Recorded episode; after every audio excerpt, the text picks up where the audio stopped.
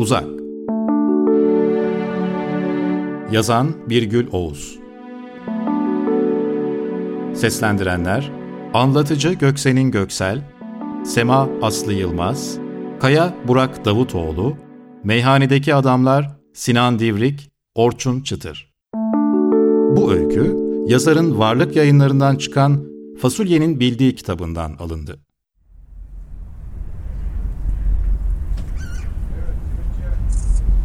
Bu öykü gerçek mekanlarda kaydedilmiştir.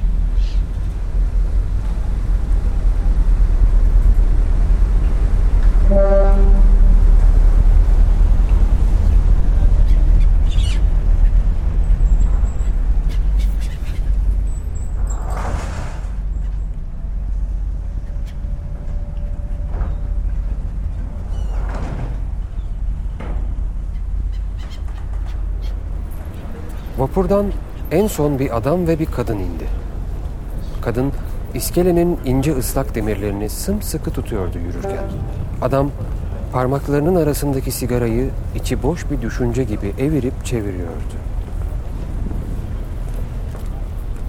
İnsanın iliklerine işleyen inceden bir yağmur yağıyordu.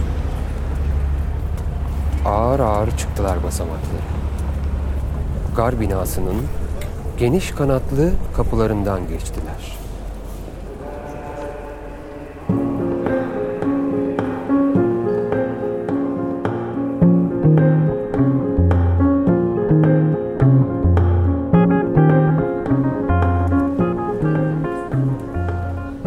Kadın bilet kişisinde sıra beklerken adam ceketinin düğmeleriyle oynadı. Bir perondan öbürüne sürüklenen bavullara, oradan oraya koşturan çamurlu ayakkabılara, rayların üstünde kabuklu, yorgun birer hayvan gibi tıslaya tıksıra ilerleyen trenlere boş boş baktı. Sigarasının ucunda biriken kül uzadıkça uzuyordu.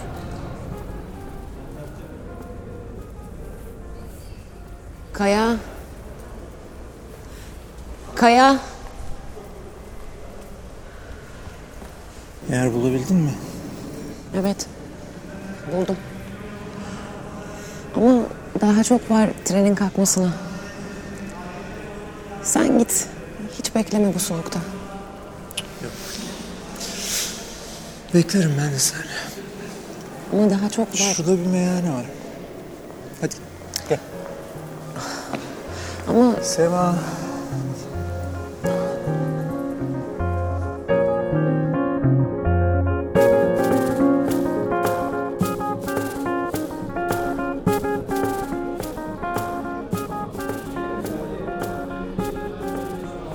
Meyhaneden içeri girip en köşedeki masaya oturdular.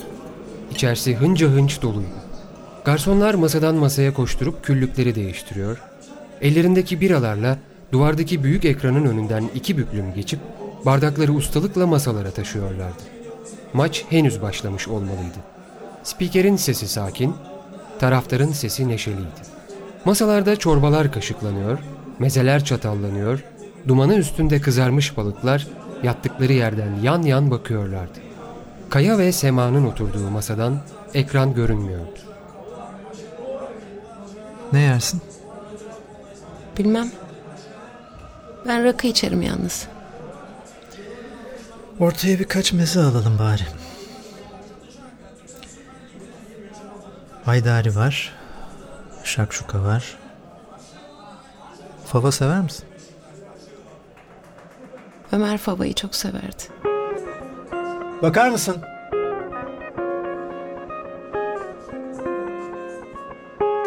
Garson mezeleri masaya yerleştirip kadehlere rakı doldururken Kaya önündeki kağıt peçeteyi tabağına ufalıyordu.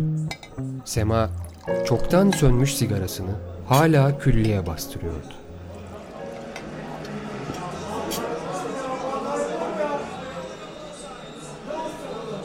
Ne konuşup bebe bu kaleci? Ne biçim hakem lan bu? Haksızlık bu. Öldüğüne inanamıyorum. Evet. Çok saçma. Çok saçma. Rakı kadehlerindeki buzlar çıtırdayarak eriyordu. Sema kadehini eline alıp uzun uzun baktı. Rakının içine bir de kiraz tanesi atardı hep. Güzel görünsün diye.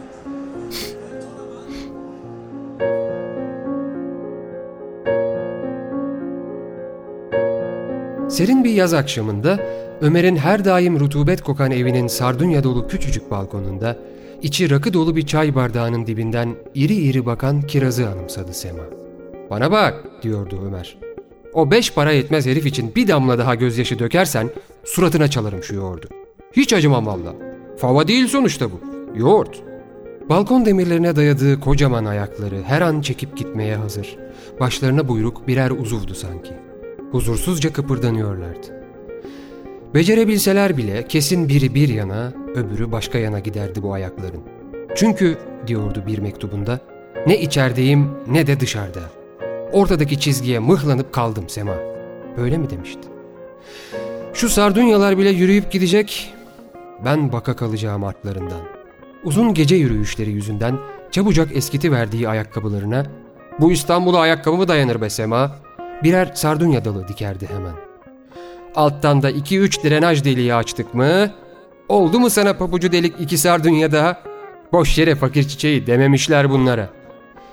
Sardunyalara giydirilmiş içleri toprak dolu ayakkabılar, eprimiş battaniyeler, kırık fayanslar, akıtan musluklar arasında bekleyen ve bir öğrenci evinin hemen her eşyasına sinen o geçicilik duygusunun içinden her an yeni bir şey olacakmış gibi bakan büyük ayaklı fakir Ömer. Hadi sil gözünün yaşını. O kirazı da yeme sakın. Yemen için değil, bakman için koydum onu oraya. Ben sardunyaları yiyor muyum? Beni sinirlendirme.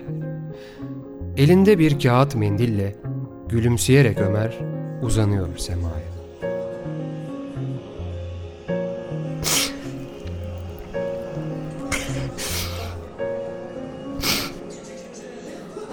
Kusura bakma. Bir şey mi söyledin? Yok. Hadi. Ömer'in şerefine içelim. Ömer'in şerefine. Pazar günleri balık tutardık birlikte. Kuzguncuk'ta. Bahsetmişti. Izgara balığa bayılırdı. Ömer'e Ömer'e.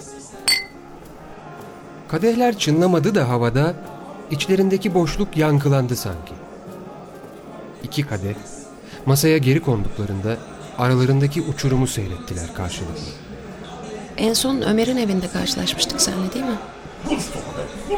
Evet. Geçen yazdı galiba. Rakı içmiştik yine. Ömer sıcaktan yakınıp durmuştu. Satılmış bak tamam satılmış. Yazdan onun kadar nefret edenini görmedim ben. Beyler, ayıp oluyor. Balkonu ne güzeldi değil mi? E- evet. Düşkündü çiçeklere.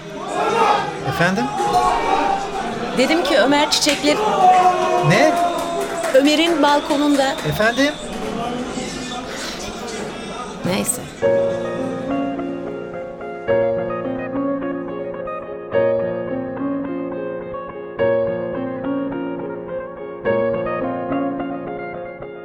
Kaya geri çekildi. Sandalyeye bıraktı kendini. Bitkin. Ömer'in hayali kalbinde çalışan bir burguydu. Ömer biçiminde bir sessizlik damla damla ekleniyordu zihnine. Kocaman bir Ömer ölüsüyle içimde. Nereye giderim ben diye düşündü Kaya.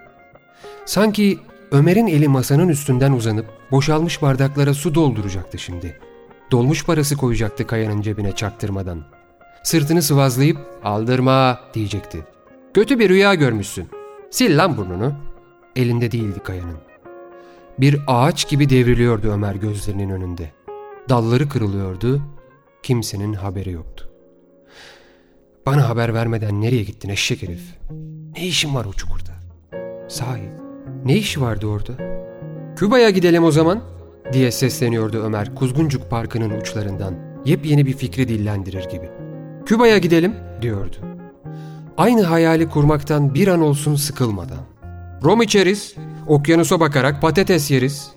Bir istavrit çırpınıyordu o sırada Ömer'in avuçlarında. Saçları rüzgarda karışıyordu. Önce gemilere, Sonra da yere mıhlanmış gibi duran kocaman ayaklarına bakıyordu. Ayaklarına bakıyor, bakıyor ve bakarken devriliyordu yine Ömer. Daracık küvetin içinde çırılçıplak. Ömer başını çarpıyor. Ömer'in saçları kanıyor. Ömer gaz soluyor. Ömer çukura giriyor.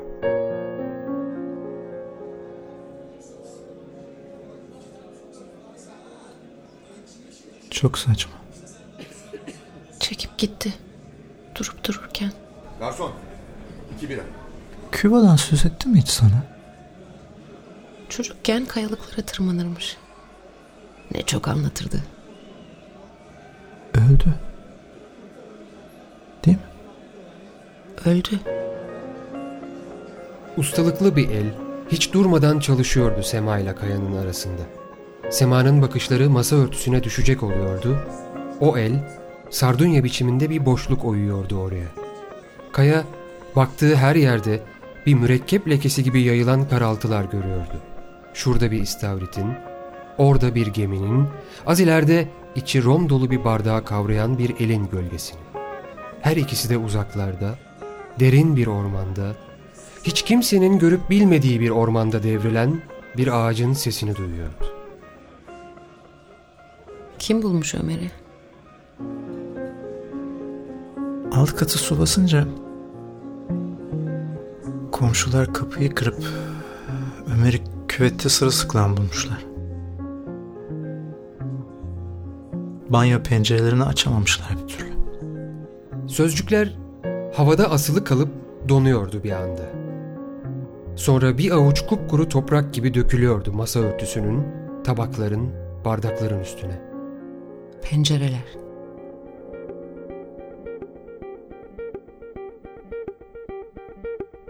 Sema'nın kalbi kuzeye bakan boş bir oda kadar soğuktu. Sema hiç bırakmayacakmışçasına kavradı Ömer'in kolunu. Pencereden dışarı baktılar birlikte. Pencereden dışarı bakıyorlardı ki kuru bir sardunya dalı gibi çıtırdadı Ömer'in kolu Sema'nın elinde. Kaya Ömer'in banyosunda soğuk sular çarptı yüzüne. Ayılmak için uykusundan. Ayılmak için sular çarptı yüzüne. Yüzü buz kesip kızarana dek. Ve oradaki kırık aynadan bir metinden yapılmış alıntı gibi tıpkı boynunda bir havlu, gözlerinde henüz görülmüş bir rüyanın anısıyla banyo sırasını bekleyişini izledi Ömer'in. Kaya bakmaya doyamadan, Ömer beklemekten sıkılıp ardında bir mazgal gibi açık duran rüyaya diye geri çekildi.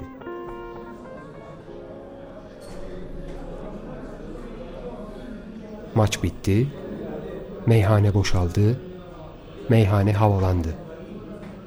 Başka bir isteğiniz var mı? diye sordu garson.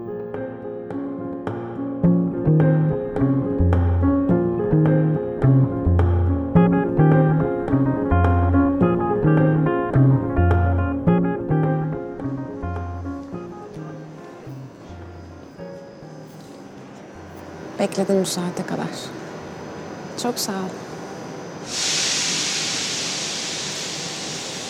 Hangi peron? Lütfen dikkat. İzmit Adapazarı treni 5. yoldadır. İzmit Adapazarı treni 5. yolda saat 12.37'de hareket edecektir.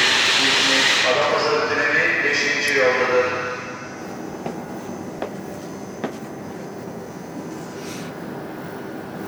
Hoşça kal. Güle güle.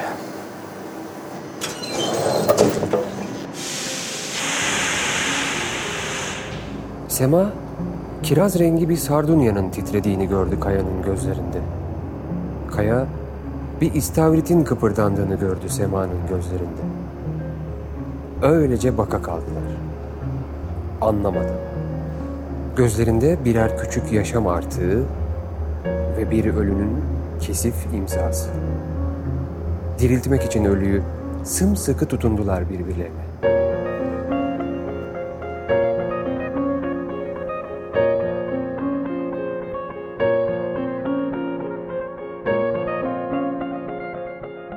Birgül Oğuz'un Uzak öyküsünü Göksen'in Göksel, Aslı Yılmaz, Burak Davutoğlu, Sinan Divrik ve Orçun Çıtır seslendirdi.